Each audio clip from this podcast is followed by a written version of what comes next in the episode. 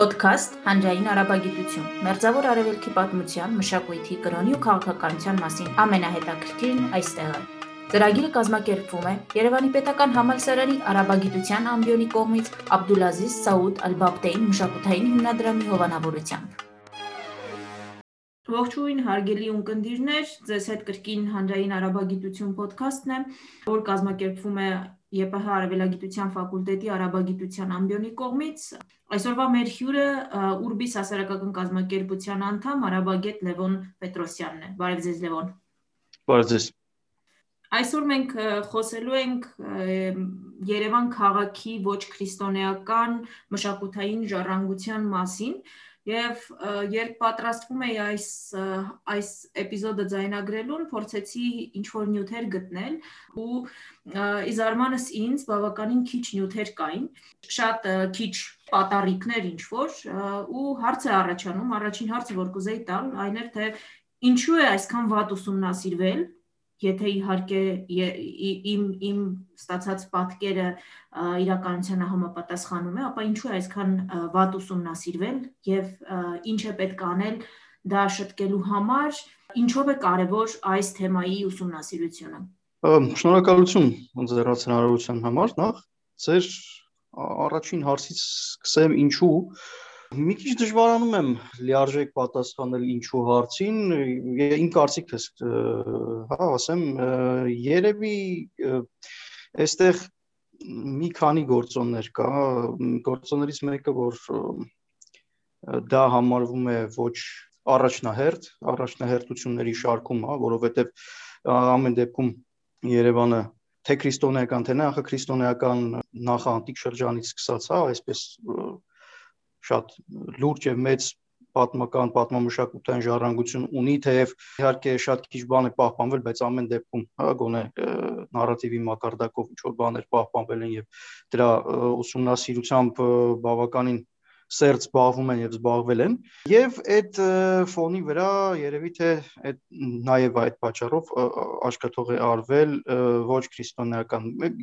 բացի դրանից այստեղ երևի վերջին հատկապես վերջին տասնամյակներում եւ նաեւ ինձ թվում է ուշ խորթային ժամանակաշրջանում, հա 70-60-ականներից էսկում, այսինքն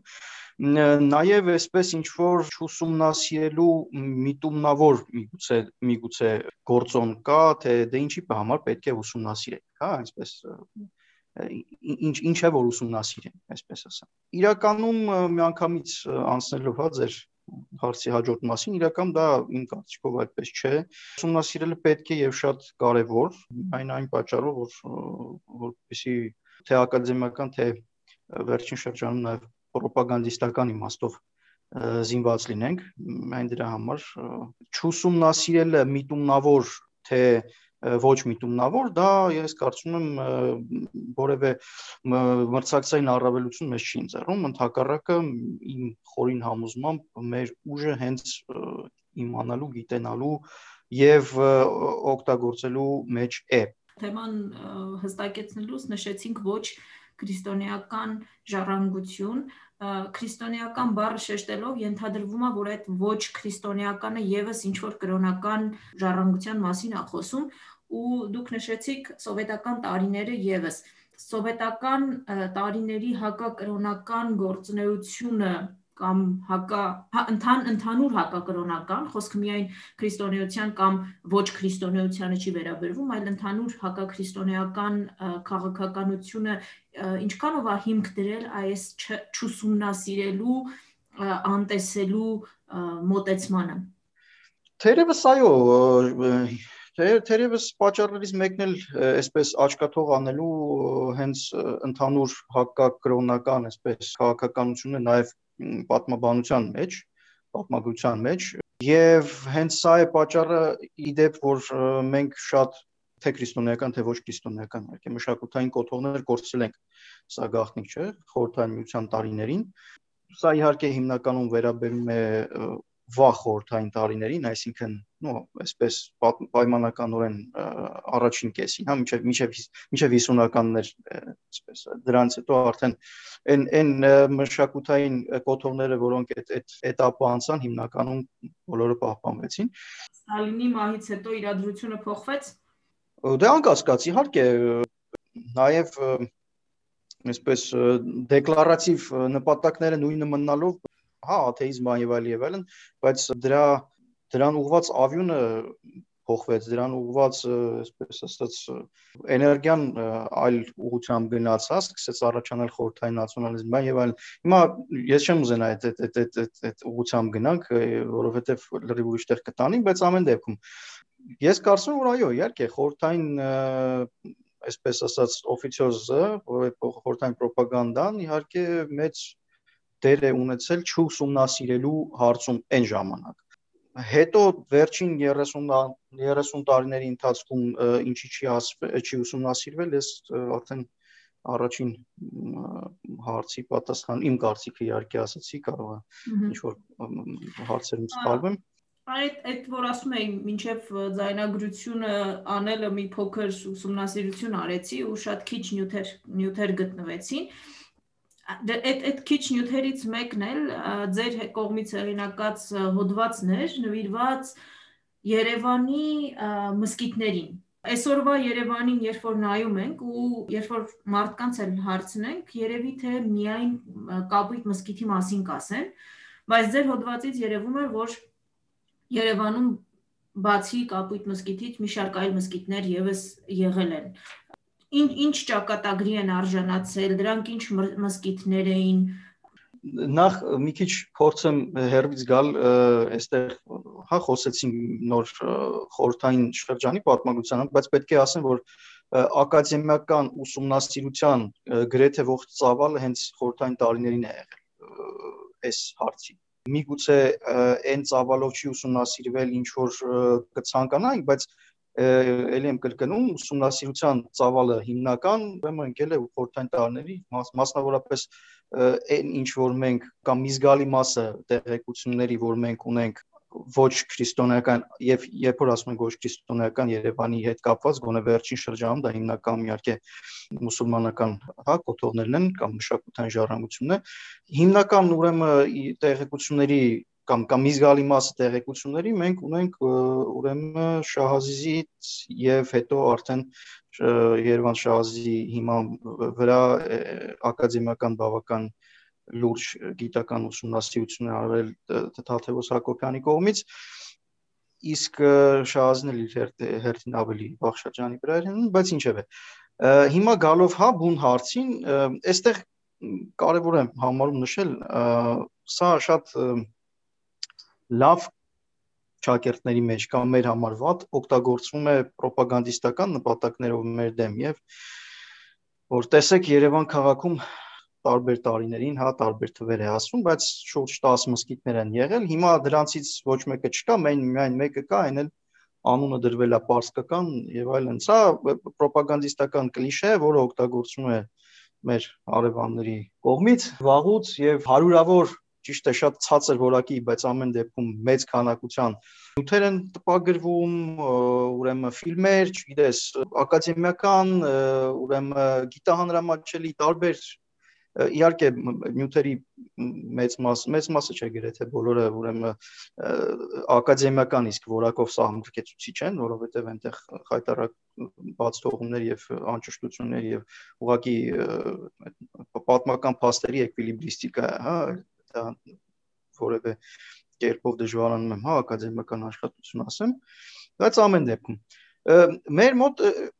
ելի եմ ասում ցավոք սրտի սա շատ չի ուսումնասիրվում հիմա գոնե եւ ինձ երբ որ ես գրում էի հոդվածը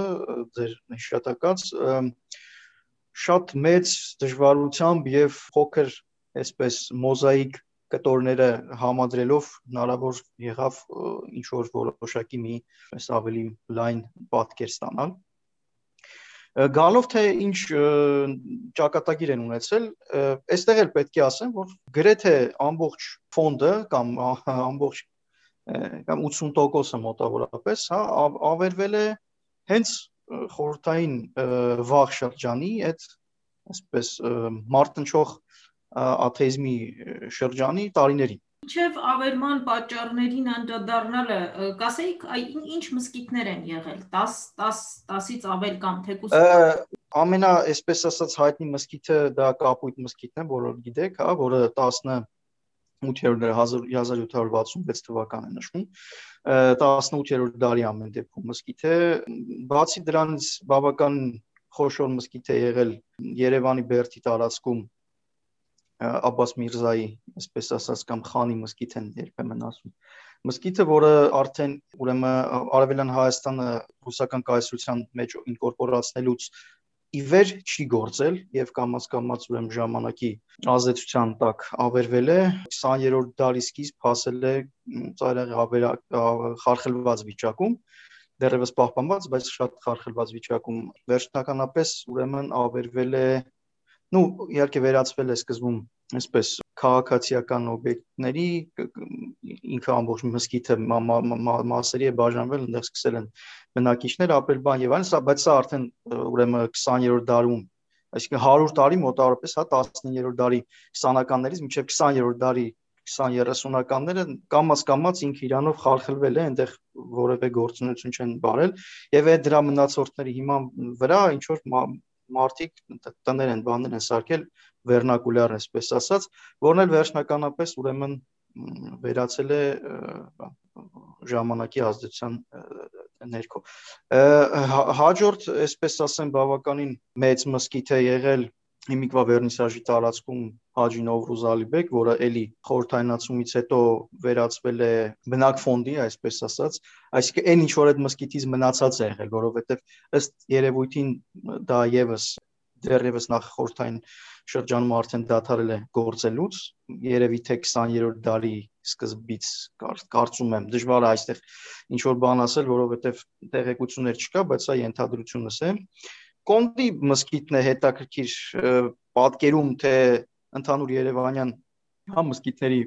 ճակատագիրը ինչպիսին է եղել, մինչև այսօր դեռ մի մասը գոյություն ունի եւ մարդիկ են ապրում, դա հաղորդումներ կամ բան նույնիսկ, այսինքն եւ ուրեմն կարող ենք պատկերացնել, թե հա մնացած մսկիթները երբ որ դարձել են արդեն քաղաքացիական, այսպես ասած, օբյեկտ, ինչ ճակատագրի են արժանացել։ Ուրեմն կինո Մոսկվայի հետ դիմացը, հա, այսինքն Երևան հյուրանոցի հետևում հայտնի Զալխանի մսկիթն է եղել, որը էլի 40-ականներին որպես էլի որպես քաղաքացիական նշանակության օբյեկտ է աշխատել այդտեղ ցուցասրահ է եղել դրանց առաջ չեմ սխալվում կինոթատրոնի է վերածվել մի խոսքով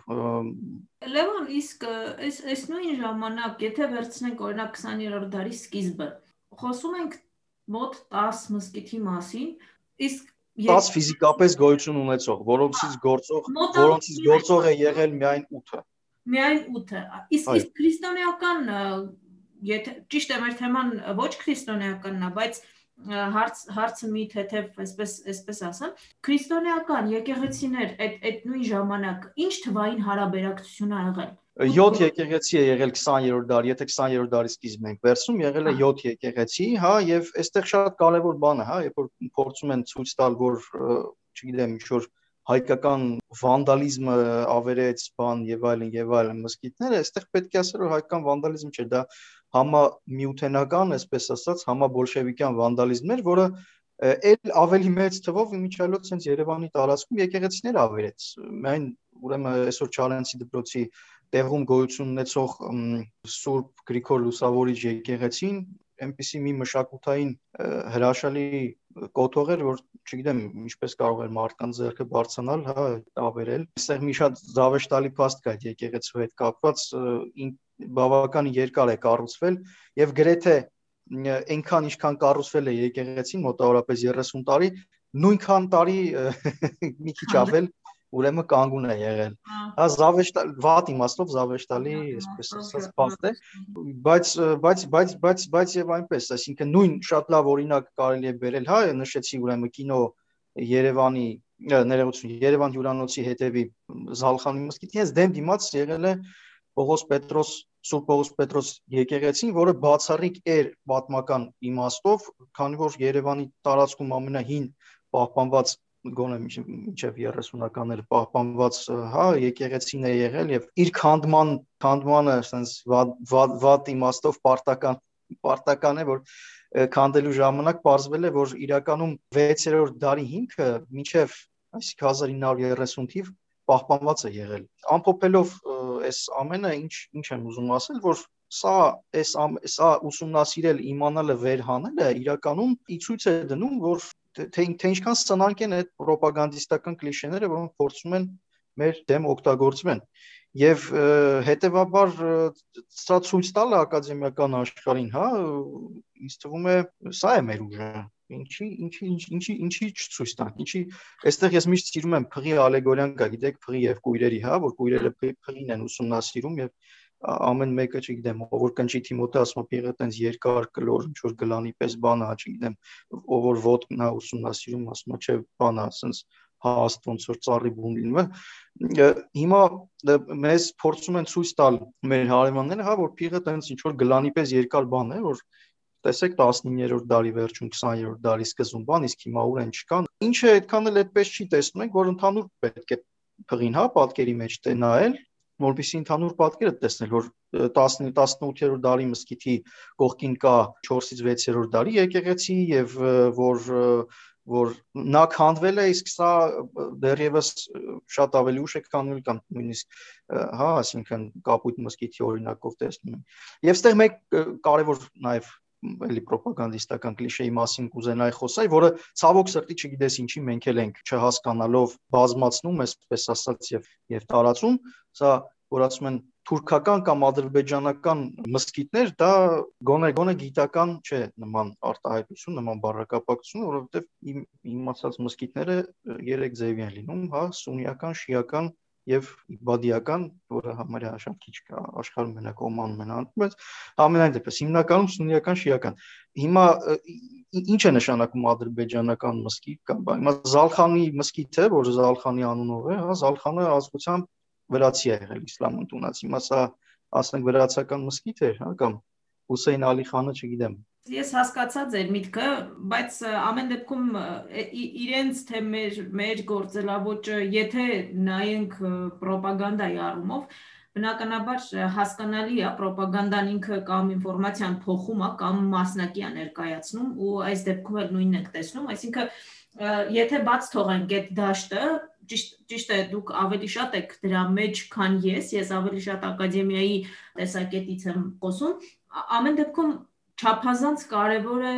զուտ գիտելիքի առումով եւս ուսումնասիրել հասկանալու համար տարածաշրջանը ոչ ոչ միայն թե մեր հարևաններն ինչ են ասում, մենք ինչ պետք է պատասխանենք, եթե այդ բանավեճը թողենք մի կողմ, զուտ տարածաշրջանը հասկանալու, դեմոգրաֆիական փոփոխությունները հասկանալու եւ այլնի տեսակետից էլ միանշանակ չափազանց կարեւոր է։ Ես հիշում եմ, որ մի մի կուրս էի նայում on-line Leiden-ի համալսարանից, ուսումնասիրում էին միջնադարյան քաղաքները իսլամական եւ բաղնիքների քանակի հիման վրա որոշում էին թե տվյալ քաղաքում մոտավորապես քանի բնակիչ է եղել։ Հիմա եթե վերադառնանք այն թվերին, որ մենք ունենք, ու ես թվեր թվեր թվեր չնշելով հանդերձ թե որքան բնակիչ է եղել թաթարներ են եղել հայեր թե չգիտեմ ովքեր կարելի է ենթադրել որ Երևանի տարածքում այդ ժամանակահատվածում բավականին խառը բնակչություն է եղել բայց այնպես չի եղել իհարկե թվերը կան բայց զուտ զուտ մսկիթների եւ եկեղեցիների թվերի հիման վրա եմ, հա, հիմա սա ասում, կարելի է ենթադրել, որ մոտավորապես ինչ բնակչություն է եղել ու հայկական տարի ներկայությունը այս պարագայում կասկած անգամ չի առաջացնում։ Չէ, միանշանակ, այսինքն ես բնականաբար երբ որ ասում իհարկե պետք չէ առաջնորդվել, այսինքն պետք չէ բան գիտությամբ զբաղվել իսպաս կամ կամ մի հակադրություն ինչ որ բան ռոպագանդիստական կլիշեներ ես ընդամենը մի ասպեկտ ասեցի, որը որը կիրառելի է, այսինքն ուսումնասիրության պարագայում, ուսումնասիրման պարագայում, բայց այն որ պետք է ուսումնասիրել, դա միանշանակ է, իհարկե, եւ եւ դա մեզ թե հենց ակադեմիական իմաստով է ուշ տալիս թե թե թե եթե կուզեք նաև ռոպագանդիստական եւ թե մեր անցյալը ավելի լավ պատկերացնելու։ Իհարկե միանշանակ համամիտ եմ ես։ Այստեղ այստեղ ես մի քիչ առաջ անցնելով, հա, մենք հիմնականում այսպես ասած խոսում ենք մուսուլմանականից, բայց շատ ճիշտ նշեցիք, որ մշակութային կոթողների եւ այդ մշակութային շերտի արկայությամբ կարելի է պատկերացում կազմել քաղաքային բնակչության մասին, նույնիսկ եթե ասենք ստատիստիկ թվեր չկան։ Այստեղ այստեղ մի շատ հետաքրքիր բան եմ ուզում ասել, հա 20-րդ դարի սկզբին Տեսեք 20-րդ դարի սկզբին, այսինքն ընդամենը 100 տարի առաջ, մոտավորապես մի քիչ ավել, հա 110-120 տարի առաջ Երևան քաղաքում ուրեմն հրեական գերեզմանոց է, այսինքն մենք հրեական բնակչություն ենք ունեցել ավելին ուրեմն գործող սինագոգ է եղել, որը ցավոք ուսումնասիրված չէ, այսինքն միայն տեղն է པարզ, գոնե ինձ ես համենայն դեպս շատ այս ուղությամբ ուսումնասիրություններ չեմ արել, բայց պատրաստվում եմ այնուամենայնիվ ակադեմիական գրականություն սրա վերաբերյալ գոնե ես չեմ հանդիպել եւ եւ եւ սա եւ սա եւս խնդիր է իրականում որովհետեւ ուսումնասիրողները անկախ այսպես ասեմ հա անկախ ուսումնասիրողները ովքեր նու չակերտակտավոր միջին վիճակագրական նորվեգացի ուսումնասիրողը երբ որ սկսում է նայել թե վերջին 30 տարին կամ 40 տարին կամ 50 տարին սրա մասին ինչ են գրվել, ինչ է ասվել, ինչ է, հա բացում եւ սկսում է առանց հասկանալու գտնել ու բան անել ու ստիպված նաեւ երևի թե օգտագործել այդ ինչ որ մի քիչ առաջ ասում էի հատ որակի գրականություն այն այն այն շատ ակադեմիական իմաստով շատ վատ կոմպիլյացիա արած կամ չարած նույնիսկ փաստագրական նյութը, որը ներկայացնում են մեր հարևանները, որը իհարկե չի նպաստում պատկերի օբյեկտիվ կերտմանը։ Իհարկե։ Եվ այս առումով եւս շատ կարեւոր է իհարկե ուսումնասիրել եւ ցույց տնել։ Միանշանակ համամիտ եմ, բայց ամեն դեպքում ձեր ասած միջին վիճակագրական նորվեգացի գիտնականի համար չափազանց դժվար է հասկանալ տարածաշրջանը, մի հատ էլ հասկանալ թե սովետական կոնտեքստում ինչ ա եղել այս տարածաշրջանը այնպես որ դրա համար մենք մեր կողմից պետքա որոշակի ինֆորմացիա տրամադրենք կամ գիտական աշխատանքների կամ առնվազն տվյալների բազայի տեսքով ու այս բազայի հետ կապված մի հարց կուզեի տալ վերջերս դուք Ռուբեն Միրաքյանի հետ միասին ստեղծել էիք մի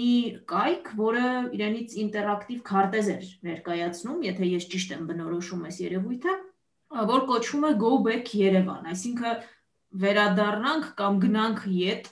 հա, նման ինչ-որ բան կարելի է թարգմանել, թարգմանելու բաները շատ, չգիտեմ դուք կոնկրետ ինչն եք նկատի ունեցել այս go back-ը, բայց կայքը իրենից ինչ էր ներկայացնում, ինչ ինչ տվյալներ, որտեղից եւ այլն, ոնց ոնց եք ստեղծել այս բազան ու ինչ նպատակ ունեք հետագայում ոնց եք զարգացնելու ծրագիրը իհարկե աշխատել են Միրաքյան Ռուբենից բացի այդ կայքի ստեղծման վրա այդ նախագծի, հա, միայն կայք առանձին չեմ ուզում նշեմ, հիմա կասեմ ինչու։ Այդ նախագծի ստեղծման վրա աշխատել են նաև մեր մյուս գործընկերները Ուրբիսի, Գևորգ Ղազարյան, Սետրակը Մկրչյան, Անին Ղուկասյան, որ տեխնիկական մասն է ապահովել։ Մի խոսքով, այսինքն սա կոլեկտիվ գործ է։ Ինչու Gobek կոչվում է yerevan.gobek.am ինչու gobek որովհետև այստեղ մենք տվյալների վիզուալիզացիայի միջոցով փորձել ենք ներկայացնել մեր քաղաքի անցյալ, հա, այսինքն մեր քաղաքի պատմությունը այստեղ մի խնդիր ունենք ակնհայտ, ինչքան էլ խոսենք պատմական, չգիտեմ, դարավոր ինչ որ պատմական շերտերից եւ այլն եւ այլն, վիզուալ իմաստով գնալ տեսնել, հա, գրեթե ինչ որ բաներ անհնար է, շատ քիչ բացառություններով։ Եվ մենք որոշեցինք այդ բացը ինչ որ տեղ փորձել լրացնել էլեկտրոնային տարբերակով, ինչի գոբեկ, որովհետև կարող ես այսօրվա քարտեզից միանգամից մկնիկով, հա, փոխես 5 քարտեզը հենց տեղում, այսինքն վրա վրա դրված են երկու քարտեզները։ Իհարկե շատ հին չկարողացանք գտնել եւ այս պայդրությամբ 20-րդ դարի սկզբի 20-րդ դարի սկզբի քարտեզն է վերադրված ժամանակակից քարտեզին եւ նշված են գոյություն ունեցող եւ չունեցող պատմական որոշ հուշարձաններ, ոչ բոլոր, որոշ հուշարձաններ, այս պայի դրությամբ, քանի որ այս նախագիծը եւս Աբդուլազիզ Բաղդեն հիմնադրամի շնորհիվ ի կատարածվեց, այս պայի դրությամբ, հա, որոշեցինք մենք զետեղել հիմնական կրոնական կառույցները, այդ թվում մսկիթները, եկեղեցիները եւ արդեն իմ նշած սինագոգը ավարտված չէ ծրագիրը, ծրագիրը դեռ ընթացքում է, երկրորդ փուլով հիմա աշխատում ենք քաղաքացիական տնտեսական հիմնականում օբյեկտներն ենք ավելացնում, կարավանսանաներ, կամուրջ ունենք, որը կիսաքանդ է այսօր ու կարավանսաններ իհարկե չկան, հա, ունենք նաև կարևոր թեկուս փոքր, բայց կարևոր տնական հուշարձաններ, մատուրներ, հա, մեկ Գեցսեմանի մատուրը, որը այս երկրորդ փուլով կավելացվի անպայման։ Մի խոսքով, ծրագրի նախագծի նպատակը լայն սպառողին, հա, հետաքրքրվողին ներկայացնել, թե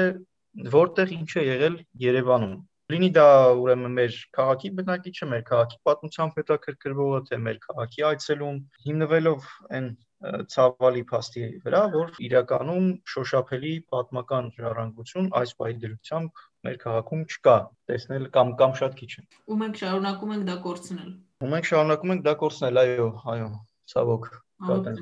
Վերջին դեպքերը, վերջին քննարկումները համենայն դեպս Ֆիրդուսի հետ կապված եւ այլն դրա մասին է խոսում։ Կայքը ես նոր նայեցի, այս պահին էլ հասանելի է ու ցանկացած մարդ կարող է մտնել ուսումնասիրել, շատ հետաքրքիր, շատ շատ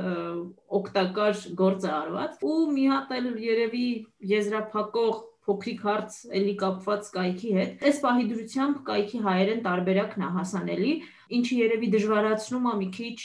արտաքին աշխարհի ուսումնասիրողների, հետաքրքրվողների համար գործը կա նման հետաքրքրություն այն կայքի ստատիստիկայում երևում է, ովքեր են հետաքրքրվում կայքով, եթե իհարկե գովազդել եք այն ու մտադրություն արդյոք կա այն թարգմանել եւ ավելի հասանելի դարձնել թե տուրիստներին եւ թե մնացածին։ Տեսեք, լեզվի հետ կապված, այո, ճիշտ է, հիմա միայն հայերենն է հասանելի, որովհետև աշխատանք այս հենց այս պայդերությամբ, այսինքն երբ երբ որ ես ասացի երկրորդ փուլի մասին, հիմա աշխատանքներ ընթանում են այս պայդերությամբ, այսինքն իրականացվում է թարգմանությունը, քանի որ Աբդուլազիզ Ալ-Բատեյնի ֆոնդի միջոցներով ենք անում արաբերեն լեզվով կլինի թարգմանությունը եւ անգլերեն լեզվով հետագայում երևի էլի լեզուներ կավելանան բայց դա հետագայի հարց է այս պահի դրությամբ աշխատանքները այդ երկու լեզվի ուղղությամբ են եւ ակտիվորեն թարգմանում է շատ շատ մոտ ժամանակներում գիտեմ օրերի երևի կամ առավելագույնը շաբաթների ընթացքում կունենանք արդեն կայքը նաև այդ երկու լեզուներով, ընդ որում թարմացված տարբերակով ոչ միայն այն ինչ որ կա, այլ նաև երկրորդ փուլով այն ինչ որ ավելացվելու է, արդեն միանգամից ավելացվելու է նաև այդ լեզուներով։ Կարծում եմ այս պահին ունենալ հայերեն հայերեն անգլերեն արաբերենը դա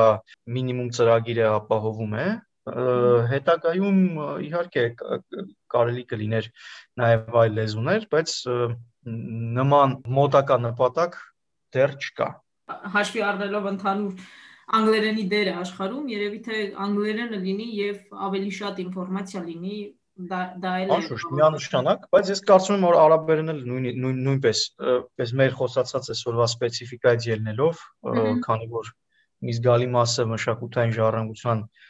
մուսուլմանական է, արաբերենը կարևոր է, որովհետև նաև մարդիկ կարող են այսպես ասեմ, մտնել եւ ճշմարտությունը ճաշակել էլի ցավալիորեն պետք է ասեմ, որ վերադառնալով հա այդ մեր հարևանների ռոպագանդային արաբերենով էլ շատ նյութեր ունեն թարգմանված հենց այս հարցի վերաբերյալ, այո, ցավալիորեն մեծ գումարներ են ծախսում, ընդ որում նախագահի իրենց նախագահի հովանավորությամբ գիտությունների ազգային ակադեմիան է տպում բան եւ այլն եւ այլն մեծ քանակությամբ սփռվում է արաբական երկրներով, որը շատ մեծ վնաս է իրականում հասնում եւ նաեւ միտվածը մեր համեստ ուժերի չափով նպաստել հա սրա հակադարձմանը։ Շնորհակալություն Լևոն նման հետաքրքիր եւ կարեւոր զրույցի համար։ Կարծում եմ մեր ունկնդիրներն էլ կհիշեն yerevan.goback.am կայքը ու հնարավորություն ունեն իրենք այժմ գնալ այդ հասցեով եւ և տեսնել թե մեր քաղաքի քաղաքը ինչպիսի մշակութային շերտեր է ունեցել եւ ինչ ինչ է պահպանվել, որը թե իմացության եւ թե ապագա ավելի գիտակից գործունեության համար կարևոր կարևոր է։ Շնորհակալություն կրկին հրավերը ընդունելու համար եւ Ես շնորհակալ։ Այսքանով վերջացնենք երևի մեր այսօրվա զրույցը։ Շնորհակալություն։ Սիրելի ունկնդիրներ, հիշեցնեմ, որ ձեր հետ է Հանրային արաբագիտություն ոդկասթը, որը կազմակերպվում է ԵՊՀ արաբագիտության ամբիոնի կողմից Աբդուլազիզ Սաուդ Ալ-Բաբտեի մշակութային հիմնադրամի հովանավորությամբ։ Ձեզ հետ է Ժնայրա Սահակյանը, կհանդիպենք հաջորդ էպիզոդին։